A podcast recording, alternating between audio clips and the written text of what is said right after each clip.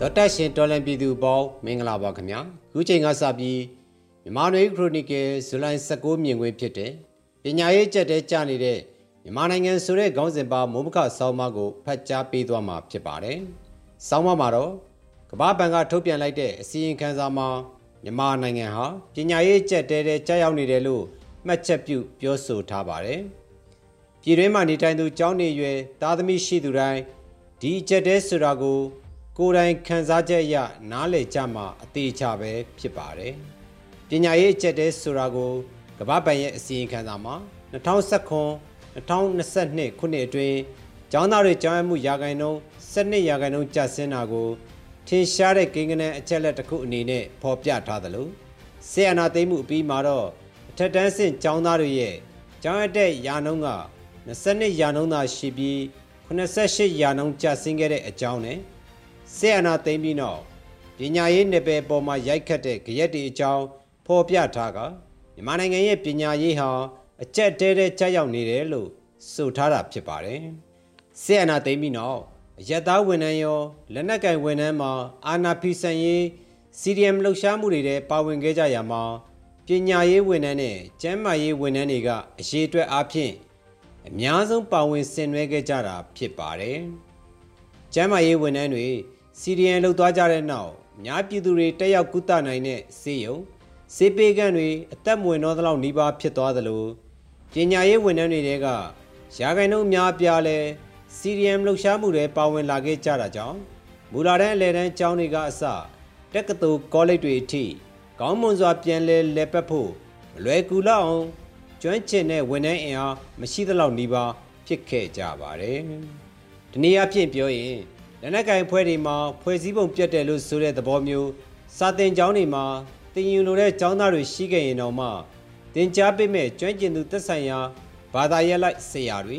မပြည့်စုံတော့တဲ့အနေအထားမျိုးရောက်ရှိခဲ့တာဖြစ်ပါတယ်။နောက်အချက်တစ်ချက်ကထက်တန်းကျောင်းသားချို့နဲ့တက္ကသိုလ်ကောလိပ်ကျောင်းသားအများအပြားကဆန္ဒပြရမှာတက်တက်ကြွကြွပါဝင်ခဲ့ကြပြီးနောက်ဒုတိယအဆင့်မှာလက်နက်ကင်အဖွဲ့အစည်းတွေထဲဝင်ရောက်ကုန်ကြတဲ့ ရေစီးကြောင်းတစ်ခုဖြစ်ပေါ်လာတဲ့သဘောပြောလို့ရလောက်တဲ့အနေအထားဖြစ်လာခဲ့ပါတယ်။တင်ကြားတဲ့ဆရာဆရာမတွေပညာရေးဝန်ထမ်းတွေ CDM လုပ်တဲ့စီကနေကျောင်းတွေမှာအရေးအတွက်ရောအရေးသွေးပါမပြည့်မီတော့တဲ့အခြေအနေမျိုးရောက်ခဲ့ပြီးဒီအခြေအနေမှာကျောင်းအပ်လို့တဲ့ကျောင်းသားမိဘတွေကိုကျောင်းတွေမှာ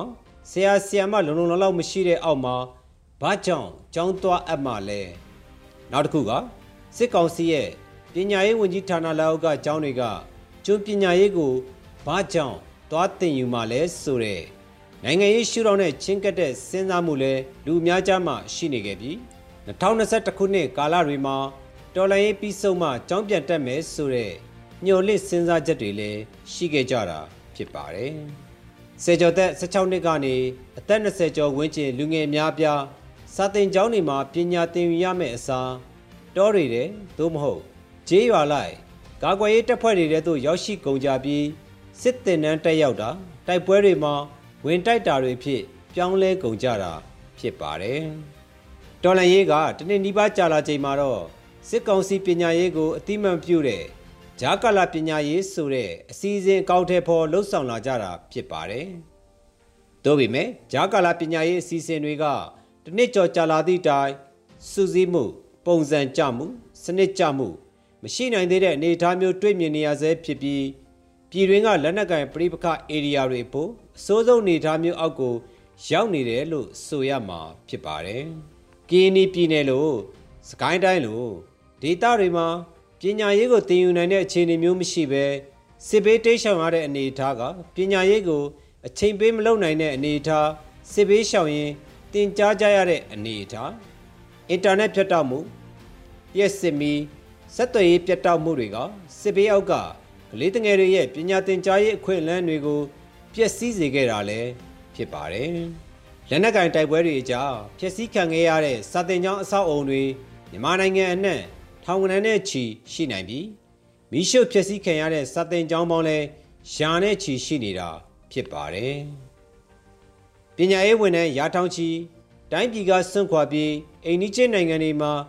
ရရလို့လောက်ကင်နေကြတဲ့အဖြစ်အပျက်တွေလည်းသတင်းနေတဲ့ကိုယ်တိုင်အတွေ့အကြုံပြန်လည်ရေးသားပြောပြနေကြတာတွေထဲမှာတွေ့ရမှာဖြစ်ပါတယ်။အခကျင်းငွေပေးပြီးပုဂ္ဂလိကစာသင်ကျောင်းတွေကိုလူကိုယ်တိုင်ဖြစ်စေအွန်လိုင်းကဖြစ်စေ